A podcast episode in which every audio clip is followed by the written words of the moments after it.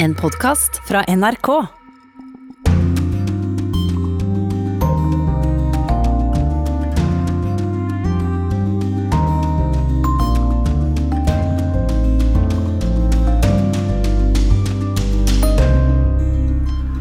Det ble advart mot at eh, koronaviruset kunne bli som en tikkende bombe i landene i Afrika. Kan strenge tiltak som portforbud ha hindret en eksplosiv spredning der? I think the strict lockdown measures uh, helped in slowing down uh, the pandemic and maybe even helped buy a little bit of time for the countries to to prepare to put in place measures to deal with some of the first cases. Koronasituasjonen tvinger flyktninger tilbake til Venezuela. Meu país é a terra. O meu país somos todos nós. Mitt land er hele jorda.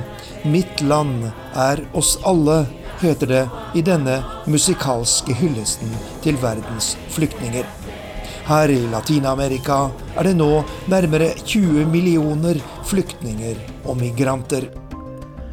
Tyskland demonterer landets atomkraftverk. Landet har som mål å bruke mer grønn energi. I ukens korrespondentbrev gir Anders Magnus oss et innblikk i et amerikansk helsevesen som møter økende kritikk. For oss har tidsbruken i det amerikanske helsevesenet dreid seg nesten mer om betaling enn behandling. Da er det kanskje ikke så vanskelig å forstå at når det gjelder dette viktige området i livet, er vi sjeleglade for å være norske statsborgere. I serien Krig og fred blir det stilt spørsmål om folkehelse er det nye konkurransefortrinnet mellom land. Vel møtt til Urix på lørdag, mitt navn er Dag Bredvei. Vi starter i Latin-Amerika der nærmere 20 millioner flyktninger og internt fordrevne nå rammes brutalt av koronapandemien. Rundt halvparten av disse er i Colombia. En særlig sårbar gruppe er flyktninger fra det dypt kriserammede Venezuela, som nå tvinges til å reise hjem igjen. Arnt Stefansen i Rio de Janeiro har sendt oss denne reportasjen. De er noen av koronatragediens tristeste skjebner. En gruppe venezuelanske flyktninger som er tvunget til å reise hjem fra Colombia. Vi har gått i fem dager fra Bogotá, sier Mauricio Barrios, som er med i en gruppe på rundt ti flyktninger fra Venezuela. Pga. koronapandemien har vi ikke noe å leve av, og da vi ble kastet ut av leiligheten, hadde vi ikke noe annet valg enn å ta fatt på hjemveien, sier han. De flyktet med livet som innsats fra et økonomisk mareritt i Venezuela. De siste årene har mer enn fem millioner mennesker forlatt landet men de siste ukene har opptil 30 000 av dem vendt tilbake til Venezuela, sier generalsekretær Marta Skretteberg i hjelpeorganisasjonen Caritas Norge. De rømte fra elendige levekår og befinner seg nå i en enda verre situasjon. De returnerer gjennom uformelle grensepasseringer via stier, tunneler og jungel. De møter et land ikke nedstående. Situasjonen er om mulig enda mer prekar enn da de reiste. I Colombias hovedstad Bogotá sitter den 29 år gamle alenemoren Jessica Romero, også hun flyktning fra Venezuela. Hun har to små barn og kan ikke lenger jobbe som gateselger pga. smitteverntiltakene, forteller hun til NRK. Jeg er skrekkslagen pga. denne pandemien. Min største frykt gjelder barna. De lider mye og har mange spørsmål som jeg ikke har noe svar på. Livet raser sammen for meg og for alle mine venner fra Venezuela. De kan ikke jobbe, de kastes ut av leilighetene, og det blir en stadig mer fiendtlig stemning mot oss her i Colombia, sier 29-åringen. O meu país é a terra O meu país somos todos nós. Mitt land er hele jorda. 'Mitt land er oss alle', heter det i denne musikalske hyllesten til verdens flyktninger. Her i Latin-Amerika er det nå nærmere 20 millioner flyktninger og migranter.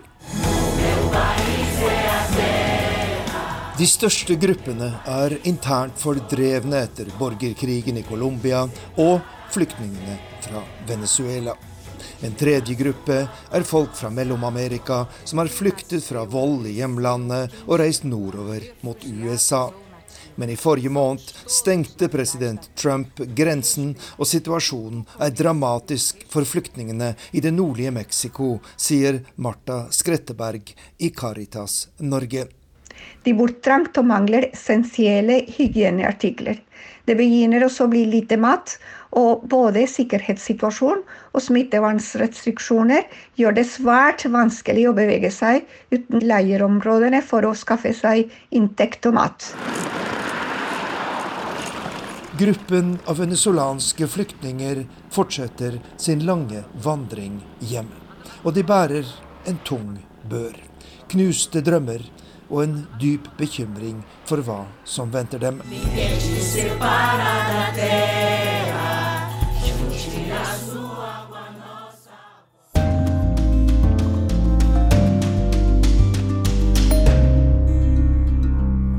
Nå til hovedtemaet i denne sendingen. Mange, også blant eksperter, er overrasket over at koronaviruset ikke har spredd seg raskere i landene i Afrika. Fortsatt er det svært moderate tall på smittede og på døde av covid-19. Hele kontinentet har 72 000 registrerte smittede og i underkant av 3000 døde. Urix på lørdag har snakket med tre afrikanere om hva de tror er årsaken. Afrikanske ledere vet at helsevesenet har lite å stille opp med hvis mange blir syke på en gang. Derfor har mange ledere reagert veldig strengt ved å innføre portforbud og nedstengninger. Hele byer og flyktningleirer er blitt avsperret og isolert. Før sending snakket jeg med journalist Grace Andrua i Kampala i Uganda. Hun forteller at folk der holder seg hjemme.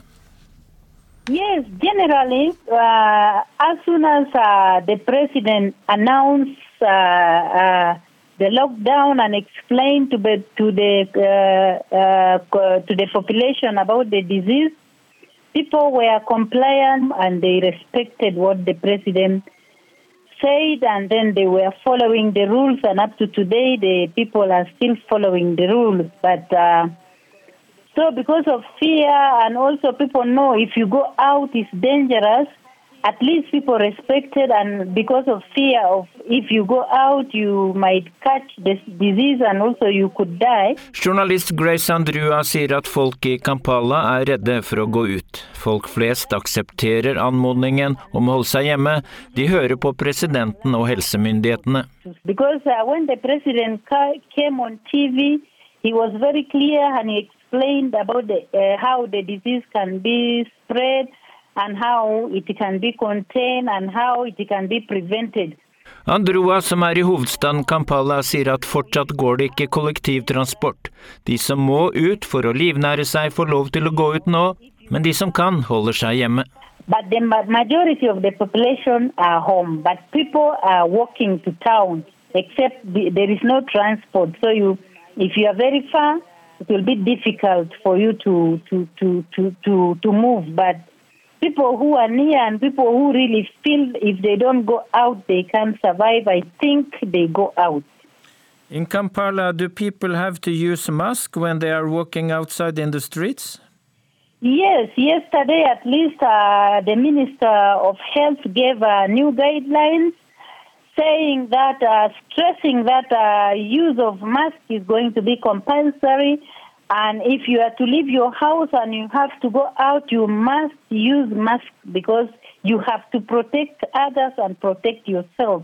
Og på spørsmål om folk må ha munnbind på når de går ut, sier Andrua at det kom en ordre i går fra helseministeren om at det er påbudt med munnbind. Selv har hun brukt det i lang tid når hun må ut av døra.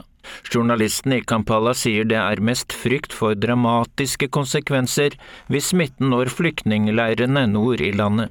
And Uganda is having also a larger number of refugees. It is a place where refugees in, in, in Africa have found a place to be, especially in the neighboring countries like South Sudan, Congo. Det er titusener av flyktninger fra Sør-Sudan og Kongo. I leirene bor mange svært tett. Der blir det vanskelig å holde sosial avstand. In some African countries, the police and uh, the military are forcing people inside their home because they are not uh, respecting the curfew. Is that happening in Uganda? No, maybe maybe in Uganda in isolated cases, but uh, Andrua sier det ikke er vanlig at politiet bruker makt for å jage folk innendørs slik det har skjedd i enkelte andre afrikanske land. Grace Andrua tror at årsaken til at det er få smittede og døde i Afrika under ett, er at folk følger de strenge restriksjonene. De som kan, holder seg hjemme. Det gjelder ikke bare i Uganda, hevder hun. But uh, according to news, according to researchers, and according to what people are talking, those who are experts, they are saying uh, complying to this guidance and uh, the, the guidelines given by governments and and following the minister, the, the, the, the World Health Organization uh, guidelines has helped Af- uh, African countries to at least contain and um, control the spread of the disease. Og det sa Grace Andrua fra Kampala i Uganda. Lema Desta er nordmann, opprinnelig fra Etiopia. Han jobber til daglig som prosjektleder i Norges kristne råd. Han har også en fast spalte i Bistandsaktuelt. Lema Desta er enig med journalistene i Uganda i at portforbud og nedstengning har ført til at koronaspredningen går saktere i afrikanske land. Eh, de restriksjonene har eh, avhjulpet veldig mye, må jeg si. Eh, akkurat som andre, andre, andre steder. Også det var eh, viktig for myndighetene i land i Afrika å sette eh, restriksjoner. Og til og med Afrika var kanskje den heldigste delen av verden. Eh, fordi smittetallene var enda lave når restriksjonene kom. Og dermed har kontinentet kanskje har spart eh, seg selv fra en voldsom eh, spredning aller først. Ja, for afrikanske ledere så hva som skjedde i Italia og Spania, og på en måte ble skremt av det, og innførte svært strenge regler allerede fra starten av? Ja, det stemmer. Og det er også i de dagene var nesten land etter land som ble forskrekket av hva som skjer i Europa. Og det kom fort til Amerika også. Når, når de rike, demokratiske deler av verden er, går i sånne harde tiltak. Da var det ikke rart at også landene i Afrika ble skremt av det, og så satte i gang veldig strenge, strenge regimer på dette. Men i afrikanske land kan du ikke ha portforbud uke etter uke fordi folk må ha mat på bordet. Og hva skjer nå når portforbud og nedstengninger har vart så lenge? Det er det som er det alfa og omega-spørsmålet og det vanskelige spørsmålet for mange lokalsamfunn i Afrika. At du kan, du kan ikke stenge ned helt alt, og så lever du videre på mange vis er den stengningen er egentlig hovedsakelig dreier seg om byene og storebyene. Og, og de liksom bondesamfunnet i lokale miljøer er, regner jeg med at de jobber i gårdene sine og har vært da. Men likevel er det dette fare for matmangel og, og fare for inntekt er det som er krevende for mange i, i, i f.eks. Etiopia. Ja, Du er jo norsk, men du er opprinnelig fra Etiopia. og Hvordan er situasjonen der nå?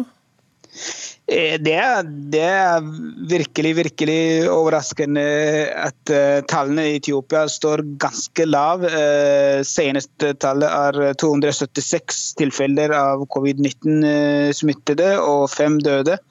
Og opp mot 100 som har blitt friskmeldt. Og det er virkelig nulltall på en måte, hvis man sammenligner med befolkningsstørrelsen på 110 millioner.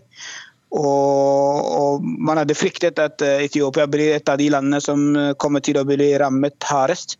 Men så langt er det virker som at det går litt sånn sakte, og det går kanskje positivt ut av dette.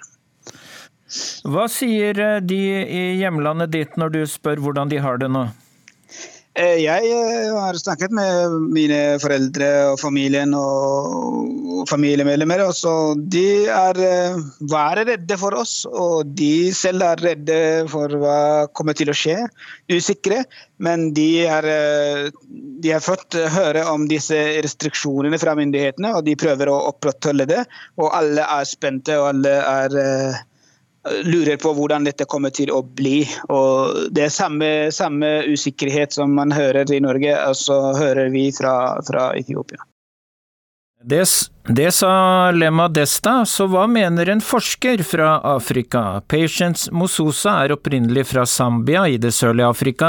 Hun er utdannet antropolog og jobber som forsker ved Det nordiske Afrikainstituttet i Uppsala i Sverige. Hun sier at portforbud og nedstengning har vært viktig for å bremse spredningen av viruset. I think the strict lockdown measures uh, helped in slowing down uh, the pandemic and maybe even helped buy a little bit of time for the countries to to prepare to put in place measures to deal with some of the first cases. Lockdowns and curfews cannot last forever because the fridge is empty. People need food on the table. Uh, yes, of course, and that's a big challenge um, uh, across um, most African countries. I would say uh, South Africa, for example, and countries like Namibia, which have social uh, social grants, are a little bit better prepared. Nigeria, to some extent, as well, uh, but you know maybe in some sectors. But the majority of countries don't have um, uh, any social protective um, uh, measures. Forskeren mener at i de fleste afrikanske land vil det ikke være mulig å fortsette med så strenge restriksjoner. Kun Sør-Afrika, Namibia og Nigeria vil være i stand til å gi sosialhjelp til familier som mister all inntekt, sier hun.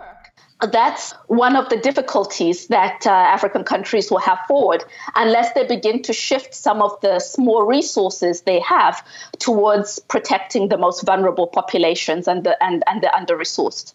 Patience Mosusa sier ebolakrisen i 2014 førte til at Den afrikanske union tok grep. De etablerte Africa Center for Disease Control. Organisasjonen overvåker sykdomsutbrudd på kontinentet, og har et apparat for raskt å kunne stenge grensen mellom land.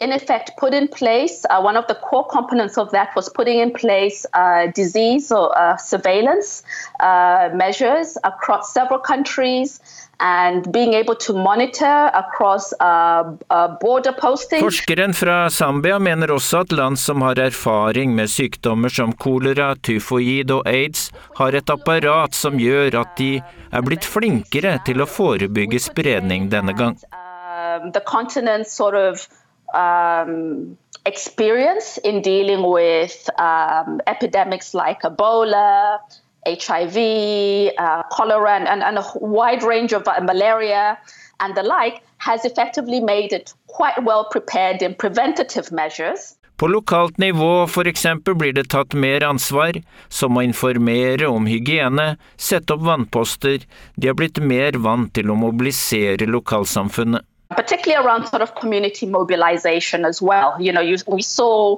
we've seen in several countries um, uh, the establishment of water, like hand washing points, the distribution of hand sanitizer, uh, the clear, cleaning up of markets and trading places. Even in quite difficult cir- circumstances, there's been quite, uh, I would say that there's been quite a lot of mobilization of a societal response to this. So maybe that might be, in the best case scenario, that might slow it um, uh, down.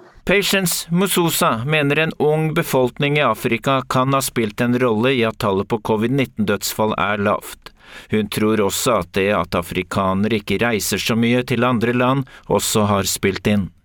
Forskeren konkluderer med at flere afrikanske land med rette blir kritisert for hardhendte metoder i å håndheve portforbud og nedstengning av samfunnet. Men en tøff linje kan ha vært nødvendig, sier hun. And and you know one can criticize the the, the um, some of the very harsh lockdown measures, but they might have slowed it down and sort of bought countries enough time to to prepare.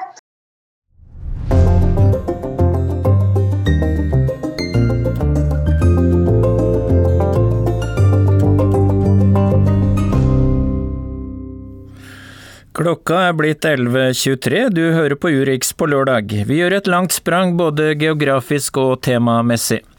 Denne uka sprengte tyske myndigheter kjøletårnene i et av sine sju gjenværende atomkraftverk, men samtidig som landet har som mål å bruke mer grønn energi, åpner et nytt kullkraftverk om noen få uker. Marit Kolberg har laget denne saken. Et smell tidlig ved sekstiden om morgenen, og det første av de rundt 150 meter høye tårnene faller sammen.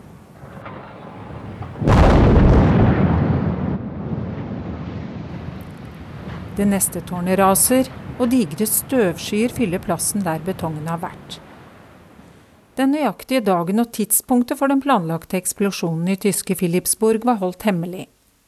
Ikke av protester, men fordi man var redd for at mange skuelystne skulle samle seg tett for å se. Noe man ville unngå nå som koronaviruset er blant oss. Kraftverket ble bygget i 1982 og ligger omtrent 100 km sør for Frankfurt, ved grensen mot Frankrike. Produksjonen her ble stanset for ni år siden. Nå skal over 60 000 tonn stein gjenvinnes, for der tårnene sto skal det bygges opp en omformer av vindkraft. Den skal fordele strøm inn i det sørlige Tyskland, skriver eierne i en pressemelding. Og miljøorganisasjonen Greenpeace hilser rivingen velkommen. Dieser Knall müsste eigentlich die letzte Runde für eine völlig gestrige Energieversorgung einläuten. Atomkraft und auch Kohlekraft Eksplosjonen her er starten på noe nytt og slutten på en fullstendig utdatert energiform, sier aktivisten Michael Meyer-Krotz. I Tyskland ble opinionen skeptisk til atomkraft etter Tsjernobyl-ulykken i 1986. Og etter ulykken ved Fukushima-anlegget i Japan i 2011 bestemte myndighetene seg for å fase ut bruken av atomkraft. Frykt for atomlekkasje etter jordskjelvet. 3000 evakuert. Velkommen til denne utvidede Dagsrevyen. Ødeleggelsene etter det kraftige jordskjelvet og den påfølgende tsunamien i Japan er enorme. Ja, tog, biler og... Før ulykken i Japan hadde Tyskland 17 atomreaktorer i drift. De siste årene har anlegg etter anlegg blitt stengt. Skepsisen gjelder også atomkraft i nabolandene. Wie gefährlich sind sie für uns? Eins dieser störanfälligen Atomkraftwerke liegt im französischen Cattenom, keine 50 Kilometer von Trier entfernt. Tyskland satser på stadig mer fornybar energi. Produksjon av vindkraft og solenergi har økt de siste årene. Samtidig skal kullkraften fases ut. Kullkraftverkene skal være stengt innen 2038. Vi er det første landet som forplikter oss til å avvikle atom og kull. Vi sender med det et viktig internasjonalt signal, sa miljøvernminister Svenja Schulze da kullavtalen ble kjent i fjor. Men samtidig åpnet tyskerne et nytt kullkraftverk nå i juni. Forklaringen er at byggingen ble bestemt lenge før planene om avvikling ble vedtatt. Det blir også vist til at det nye kullkraftverket slipper ut langt mindre CO2 enn de gamle som blir stengt. Men likevel skjer ikke dette uten protester. Så mens atomkraftverkene faller, blir den tyske regjeringen beskyldt for løftebrudd fra miljøaktivistene. Her er aktivisten Michael Maier-Krotz igjen. Han mener man ikke skal bruke penger på gårsdagens løsninger. Das Land und die Menschen hier wollen Investitionen in ein sicheres Morgen. Wir brauchen kein Geld für gestern.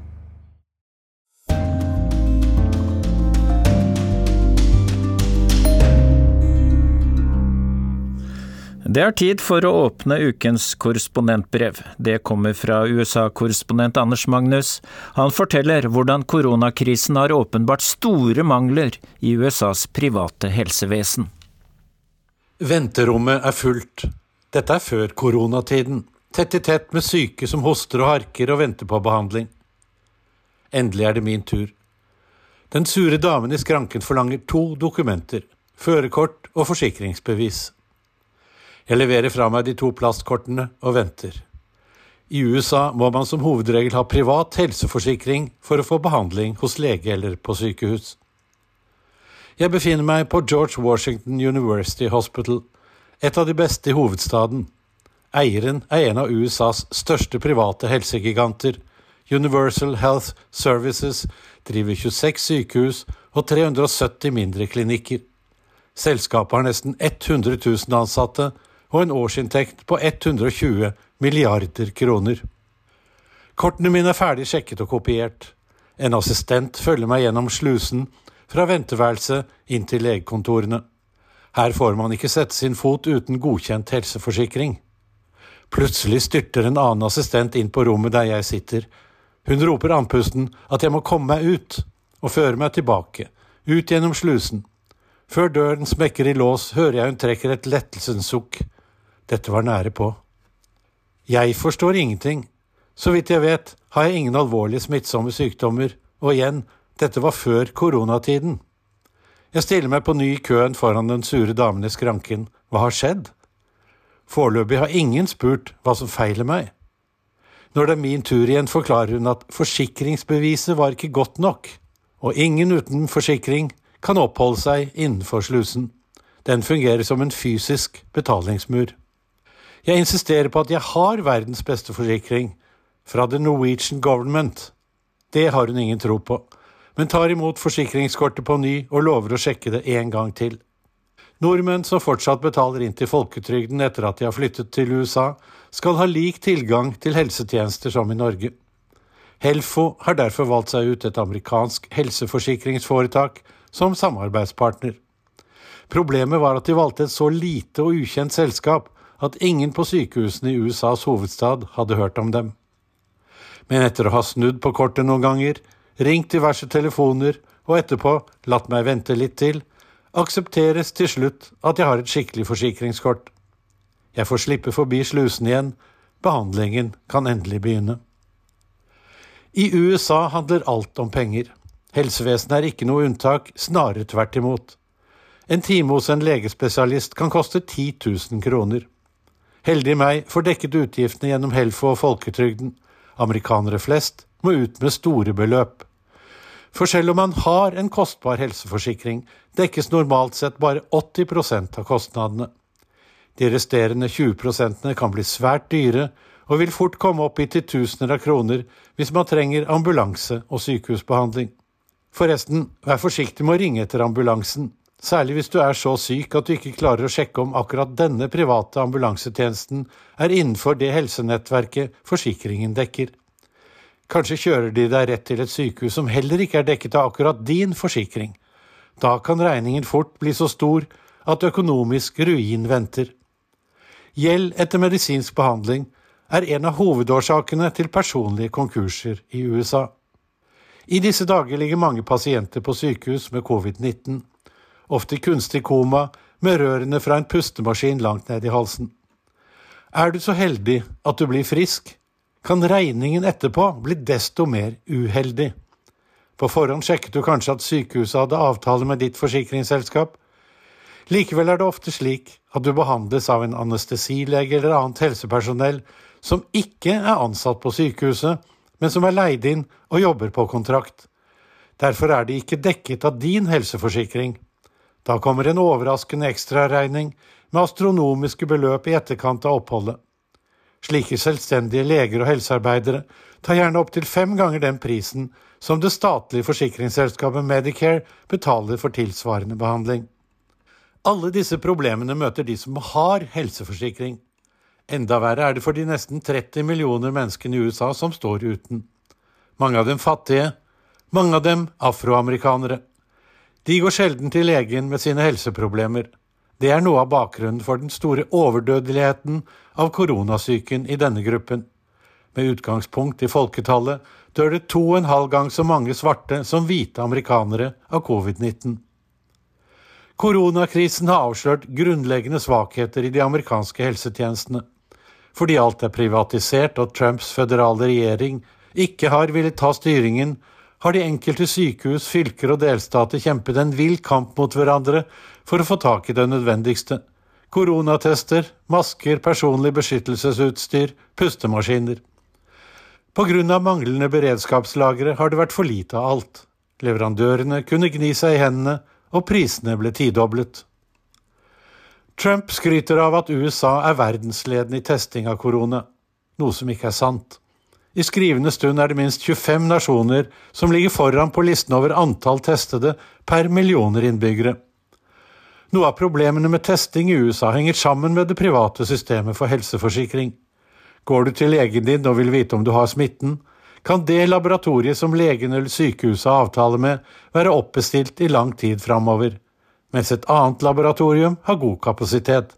Men der vil ikke forsikringsselskapet ditt la deg slippe til.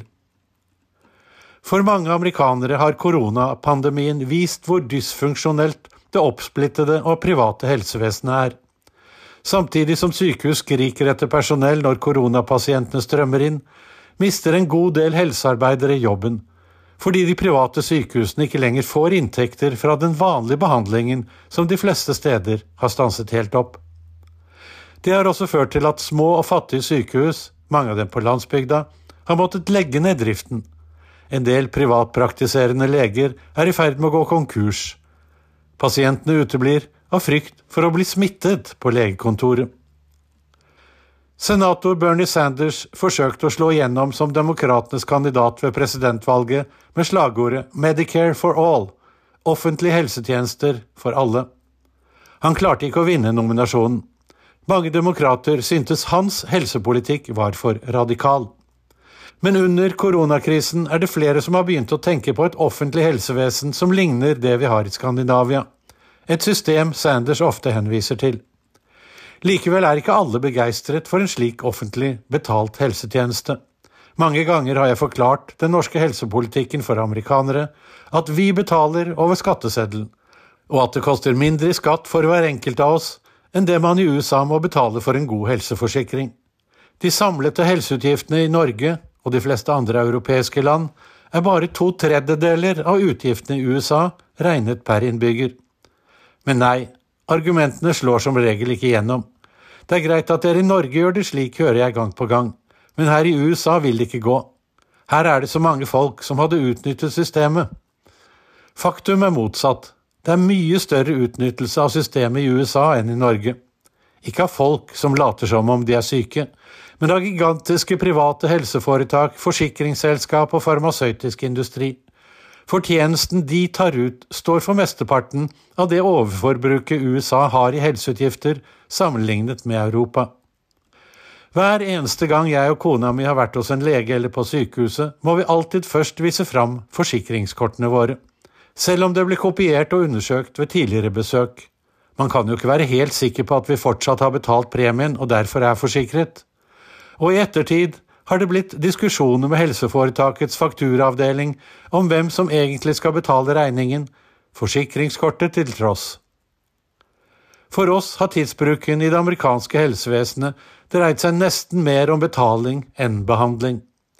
Da er det kanskje ikke så vanskelig å forstå at når det gjelder dette viktige området i livet, er vi sjeleglade for å være norske statsborgere.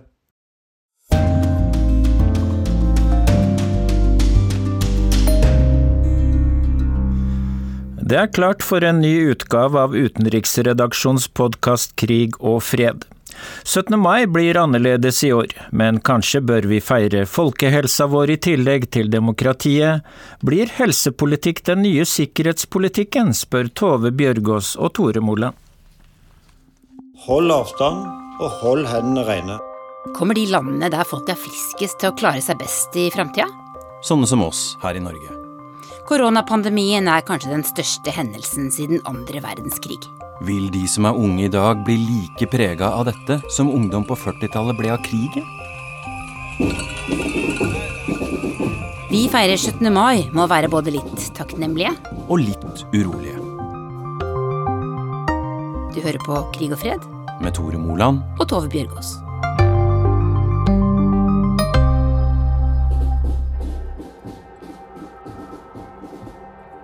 Folkehelse. Jeg tenker at uh, det er liksom tusen ting. Det er alle ting i ett. Det er liksom ikke bare det er ikke bare vårt eget ansvar. Det er liksom, Hva slags samfunn er det vi har? Er det lett å bevege seg? Er det naturområder? Er det, har vi en bolig, et hjem der det går an å leve? Alle de tingene, da. Jeg heter Ina Libak og er leder i AUF.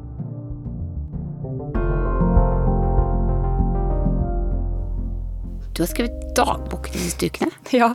Jeg har følt litt sånn ekstra dagbok nå i koronatiden, for jeg har tenkt sånn at det er en litt spesiell periode, og at noen ganger når vi blir tvunget til å sitte litt inne og, og tenke litt for oss selv, så tenker man jo noen ganger litt sånn lenger, og det er lettere å tenke litt sånn ja, Hvor skal samfunnet være om kanskje ti år i stedet for bare sånn dag til dag? Så jeg har tenkt litt at det er viktig å få skrevet ned litt uh, ja, hvilke verdier jeg ser liksom er viktige nå i koronatiden. Hva er det du har skrevet, f.eks.? Jeg har skrevet en del om når vi fjerner mye av det som ikke er så viktig, hva er det som er viktig? Og da har jeg skrevet en del om hva fellesskap og tilhørighet betyr i vår tid. Fordi jeg er jo i en bevegelse hvor vi hele tiden har hatt så sterkt tro på fellesskapet. da. Og så tror jeg kanskje ikke jeg har vært flink nok til å tenke over hva skal fellesskap være i 2020. Eh, fordi også før koronatiden så har vi jo liksom en ungdomsgenerasjon som er veldig ganske bekymra for fremtida. Og det er halvparten sier i Ungdataundersøkelsen at de syns hverdagen er et slit. Eh, mange føler seg ensomme. De er mer ensomme.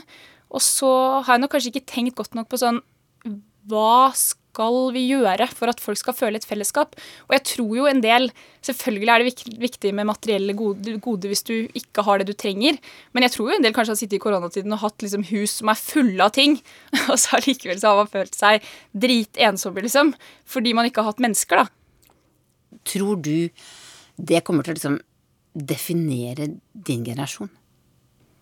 om det kommer til å definere oss Ja, jeg tror at denne tiden blir en sånn brytningstid hvor vi kommer til å se tilbake og tenke at da ble noe veldig grunnleggende endra.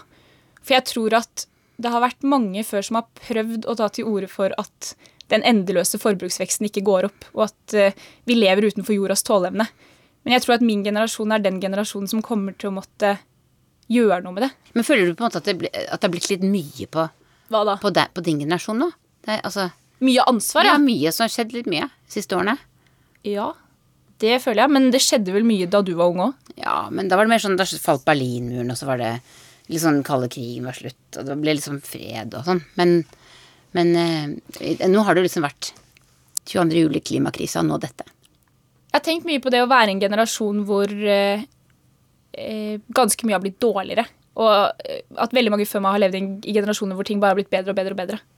Det har jeg tenkt på. Og hva, hva, det gjør med hva det gjør med min generasjon. Da. Og at noen kanskje kan lese min generasjon litt dårlig, fordi de tenker at den ja, På mange måter er jo alle generasjoner like, tror jeg, fordi mennesker er like, og man ønsker det samme og trygghet i livet, og man kan kunne snakke om et steinaldermenneske og vil liksom likevel ha det samme.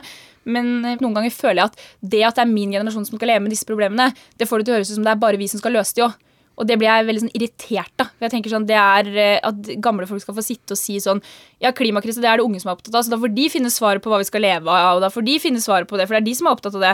Men vi lever med disse klimagreiene, og vi lever med denne, disse pandemiene og sånn alle sammen. Og det er noe fint å tenke på. da, We're all in this together. Enten vi liker det eller ikke, så må vi være sammen i dette her. Men da er det også et ansvar alle har å løse det. Det er ikke bare mitt ansvar, eller bare vi som er opptatt av det sitt ansvar. Jeg tenker litt, Hva gjør dette her med de som i dag opplever, altså ikke minst russen, holdt jeg på å si, ungdommen i det hele tatt, som, som, nå gjennomgår en merkelig tid hvor de opplever ja, kanskje noe som ligner på litt det som vi hadde, vi som er etterkrigsgenerasjon, jeg får si i hvert fall meg, som vokste opp i en tid hvor liksom minnet om at vi hadde hatt en krig, det, det, preget hele ideen om samhold, om at man ikke måtte stikke seg ut, at vi var i en, en, vi må tenke på flokken vår, ta vare på flokken vår. Denne felles ideen, den tror jeg også denne nye generasjonen som nå vokser opp, kommer til å ta med seg. At de kanskje har opplevd noe som fikk dem til å forstå at de ikke er enkeltindivider som bare kan te seg sånn som de vil, men de må faktisk være del av et samfunn. Mitt navn er Steinar Bestin, professor i sosialmedisin ved NTNU. Riktignok nylig pensjonert, men stadig eh, faglig aktiv. Jeg kan minnes hver eneste høst jeg vokste opp med eh, skrekken for å bli tatt av polio. Mine venner i, i, på skolen, noen av dem fikk jo poliomyelitt og, og, ble jo eh, mer eller mindre lammet. Og, og, og, denne fantastiske opplevelsen av at vi kunne få en vaksine som etter hvert fjernet poliomyelitten som et problem, var jo, et, var jo en slags opplevelse av et vidunder. Sent, men godt kunne man sette som motto i dobbelt forstand for dette varepartiet som ankommer til Fornebu med eget fly. I oktober 1956 landa et fly med dyrebar last på Fornebu. Om bord var nesten 58 000 doser med splitter ny poliovaksine til norske skolebarn. Og Norge er likevel av de første land som får vaksinen. I første omgang er det skolebarna som skal søkes gjort immune. Det offentlige helsevesenet var under rask utbygging i Norge på denne tida og vaksina var en milepæl. Og så fikk vi vaksinene, ikke, sant? ikke minst vaksinene hvor vi ble kvitt polio, difteri og meslinger og alle barnesykdommer i tur og orden. Og Det har jo gjort at vi har slappet av og tenkt at dette med infeksjonssykdommer det er ikke så lenger så viktig. Og, og, det har vi nå sett effekten av, at det lider vi nå under. At ikke vi har skjønt det, at den epoken i, i folkets historie er ikke over. Hva, hva tenkte du som samfunnsmedisiner da koronaviruset dukket opp i Norge? Jeg hadde fulgt med såpass med at jeg hadde en opplevelse at dette var et farlig virus. Det vil si et uforutsigbart virus. Som ikke er av den typen vi er vant til. Jeg tenkte med en gang at dette er ikke en middels sterk influensa, dette er noe helt annet.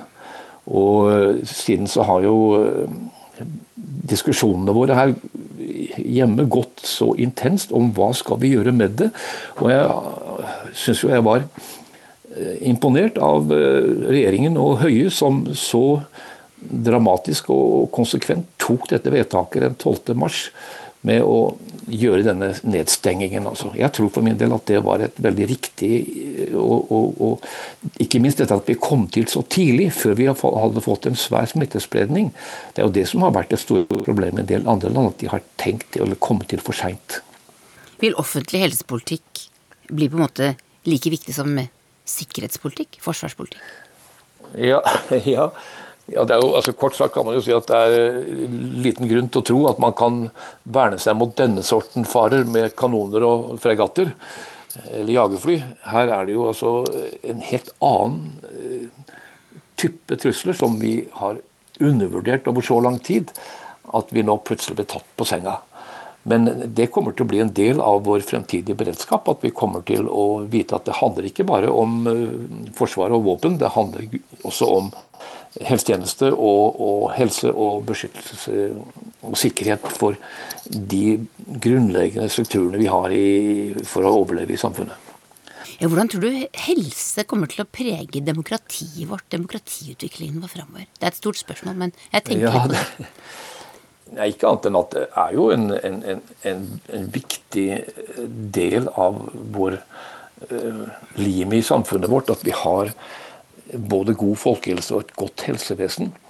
Og Det er jo liksom noe av oppgaven også for sosialmedisin. Å være pådriver for at vi får gjort dette på en måte som tjener ikke bare de rike og godt utdannede, men hele samfunnet. At vi også forstår at for at vi skal ha god folkehelse og godt helsevesen, så må dette helsevesenet være tilgjengelig for alle. Og det er jo den ideen vi har fått om at, og lånt for så vidt fra England i sin tid, at dette ikke er noe som man kan kommersialisere eller sette ut til et slags kjøp og salg-marked. Så den ideen kom egentlig fra England? i sin tid? Ja, altså det var jo den fantastiske reformen i 1948 i England som var det, det første landet som virkelig gjennomførte en så dramatisk reform, hvor de sa at eh, fra i morgen av, altså fra den 5. juli 1948, så skal eh, alle briter ha tilgang til en fastlege og til et helsevesen som skal stå der for dere. Tomorrow there will come into operation the most comprehensive system of social security ever introduced into any country. Det var i juli 1948 at den britiske statsministeren Clement Attlee kunngjorde at det statlige britiske helsevesenet var skapt. Som det første i sitt slag i verden. Tanken var gratis helsetjenester til alle, finansiert gjennom skatteinntekter. Hjernen bak var Nye Bevan, en sosialistisk helseminister fra en kristen bakgrunn. I'm proud about the National Health Service. It's a piece of real socialism. It's a piece of real Christianity too. You know?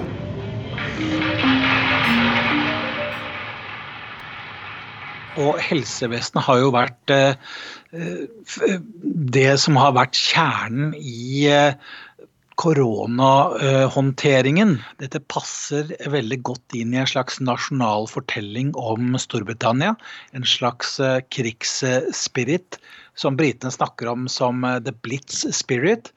Som gjør at man krummer ryggen og bare går på når man står overfor en fiende, som da f.eks. koronaviruset. Jeg er eh, Øyvind Nyborg, som er London-korrespondent for NRK. Så ser vi også en veldig merkebygging. Det er nesten litt rart at et eh, offentlig helsevesen blir så uh, utsatt for denne uh, merkevarebyggingen, uh, som um, både skjer aktivt fra regjeringshold, og vi ser det på de daglige pressekonferansene. Så er det jo veldig interessant å se denne historien som bare ble en kjempestor uh, sak som gikk viralt verden over. Kaptein Moore som samlet inn penger uh, ved å gå rundt i hagen sin med rullatoren sin. Inches to go, and there he is. Congratulations. Well done. Absolutely amazing, amazing achievement. Og han samlet da penger inn til eh, det offentlige helsevesenet. Uh, han valgte det framfor f.eks. en frivillig organisasjon, og det, og det er jo litt uh, interessant, syns jeg. Så han samlet inn penger og sendte dem til staten? Ja. Fortell litt mer om denne fyren. Ja, Han uh, blir omtalt som en krigshelt.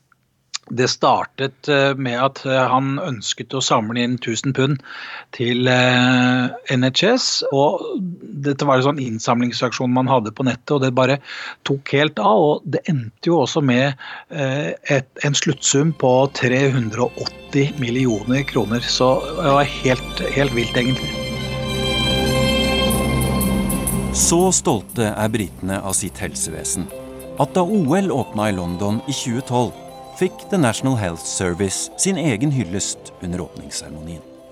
Med 1,6 millioner ansatte er NHS den største arbeidsgiveren i Europa.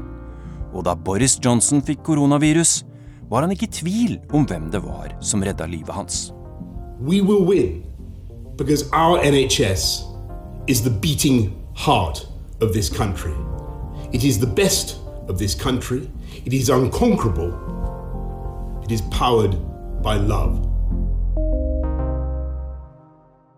Men Øyvind, det er jo ikke så veldig positivt det som skjer i Storbritannia, og det går ganske dårlig? Ja, det går veldig dårlig. Man har jo det høyeste dødstallet i Europa, og det dør jo dobbelt så mange mennesker i Storbritannia per 100 000 innbygger enn det det gjør i USA, som også er da hardest rammet når det gjelder dødstall. Så det har gått veldig dårlig, og mange har jo, og kritikken har jo gått ut på at Boris Johnson og egentlig helsevesenet generelt har gått inn i denne krisen her i søvne. La oss snakke litt om folkehelsa i, i Storbritannia. Hvordan, hvordan, er helsetilstanden til britene, om du kan si noe litt generelt om det? For oss nordmenn så er det jo noen ganger vanskelig å tro uh, den fattigdommen uh, som man opplever her.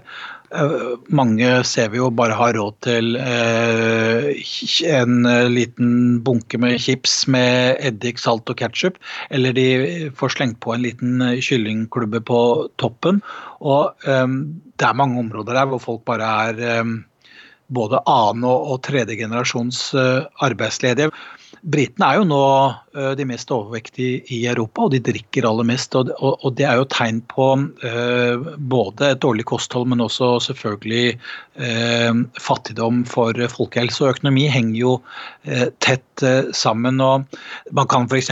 gå på butikken og se at folk kjøper da en hamburger som er ferdig pyntet med alt og ketsjup, og du bare tar den ut av plasten og putter den rett inn i, i mikroovnen, og, og, så er den ferdig til å spise. En slags vakuumpakket eh, hamburger som har ligget der en stund? ja, de fleste ser ut som de har ligget der en stund. Hvordan funker NHS i denne veldig pressa situasjonen som de må, vel må være i nå? Det interessante nå er jo at uh, folk uh, klapper og hyller et uh, helsevesen som, som, langt på vei egentlig ikke har taklet koronakrisen. Fordi altså, det man har klart, er å bygge opp sykehuskapasiteten og gjort om store konferansesentre til egentlig store lasaretter, etter mønster fra en annen britisk helt, da, Florence Nightingale. Men man har fullstendig feilet Eh, når det gjelder testing av smittede, og man har feilet helt også når det gjelder innkjøp og distribusjon av eh, smittevernutstyr. Så det er mange ting som har eh, gått feil, og som man egentlig kanskje ikke trenger å være så veldig stolt av. We understood and we decided that if together we could keep our NHS safe, if we could stop our NHS from being overwhelmed, then we could not be beaten. and this country would rise together and overcome this challenge as we have overcome so many challenges in the past. Jeg har mange legevenner borte i England, og de er jo over seg av kritikk over at Boris Johnson ikke tok høyde for at dette var noe annet enn en middels influensa, og, og, og, ikke gjorde noen av de grepene som de der burde ha gjort. National Health Service har jo vært overkjørt og tatt på senga, bokstavelig talt. Eh, det var helt unødvendig. Eh, og det sier også noe om hvor viktig god politisk, kunnskapsrik politisk ledelse er i slike situasjoner. Er systemet deres egentlig også bygget for å kunne tåle dette? Ja, altså det skulle jo vært det. Men altså nå har de jo hatt, og her er det fælt hvilke regjeringer man skal klage over, men de har jo hatt en ekstremt sånn mishåndtering av dette National Health Service. Det er jo mor til alle lands offentlige helsetjenester. Tilgjengelig for alle uten egenandeler. Det har jo vært et slags mønster for hvordan man kan drive god helsetjeneste. Nå har den jo gjennom de siste årenes regjeringer vært mer og mer både sultefòret og til dels også oppstykket og halvprivatisert. Så hele NHS har jo vært eh, vingestekket i mange år før denne krisen rammet nå. Ina, tenker du at vi er heldige her i Norge sammenlignet med andre land? Ja, det tenker jeg, men jeg tenker ikke at uh, det er min rett å drive og si til folk at de er heldige, fordi folk føler seg heldige og ikke heldige. Og jeg tenker at i koronakrisa nå så har folk måttet få lov til å føle det de føler. Jeg tror ikke det blir noe bedre at man sier sånn folk har det verre et annet sted, hvis du skjønner. Eh, jeg tror det heller blir bedre at vi er litt rause med oss sjøl og sier det er hardt for oss også. Eller det har vært hardt for alle på ulike måter. Men, men jeg får jo vondt i magen når jeg ser ut i land hvor man ikke har sikkerhetsnett, at det er hardt å bli permittert. Men å stå der uten noe sikkerhetsnett hvis du mister jobben, med en familie å forsørge, det er helt forferdelig. Eh, og med de forskjellene som har økt så mye i Norge de siste årene, så er jo ikke det en helt sånn utenkelig situasjon at Norge kan komme dit heller. Vi kommer ikke til å bli som USA, men, men, forskjellene kan øke i vårt eget land også. Så det er jo en veldig sånn, det gir et engasjement til å kjempe mot forskjeller også i vårt eget land. Tror du de landene der folk har best helse, vil klare seg best i, i framtida? Hvilke land er det som har best helse? Nei, vi er jo et av dem, da.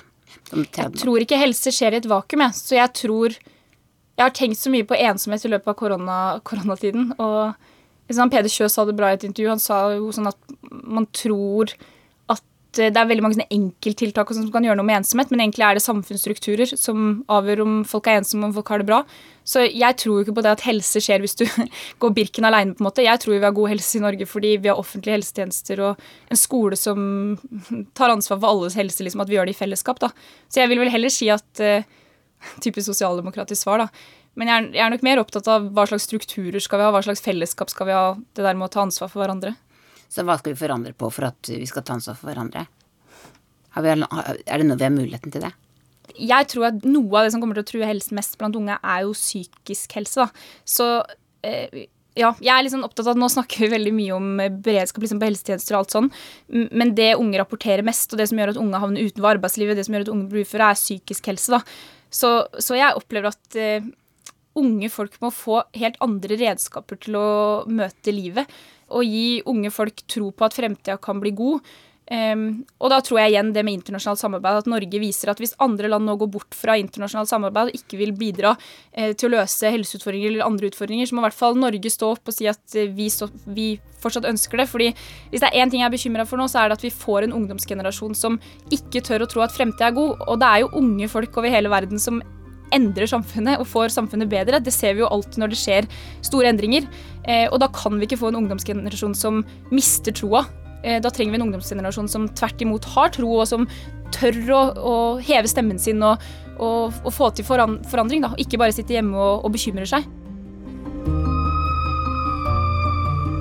Du har hørt Krig og fred fra NRK Urix. Lydregien var ved Lisbeth Sellereite.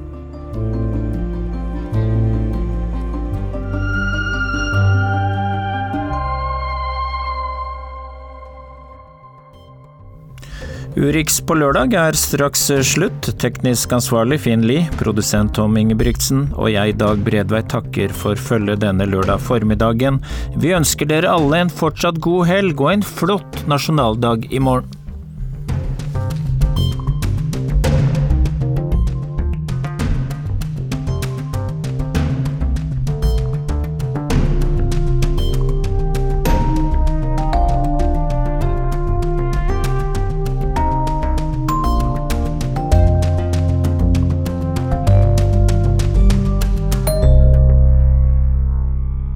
Du har hørt en podkast fra NRK.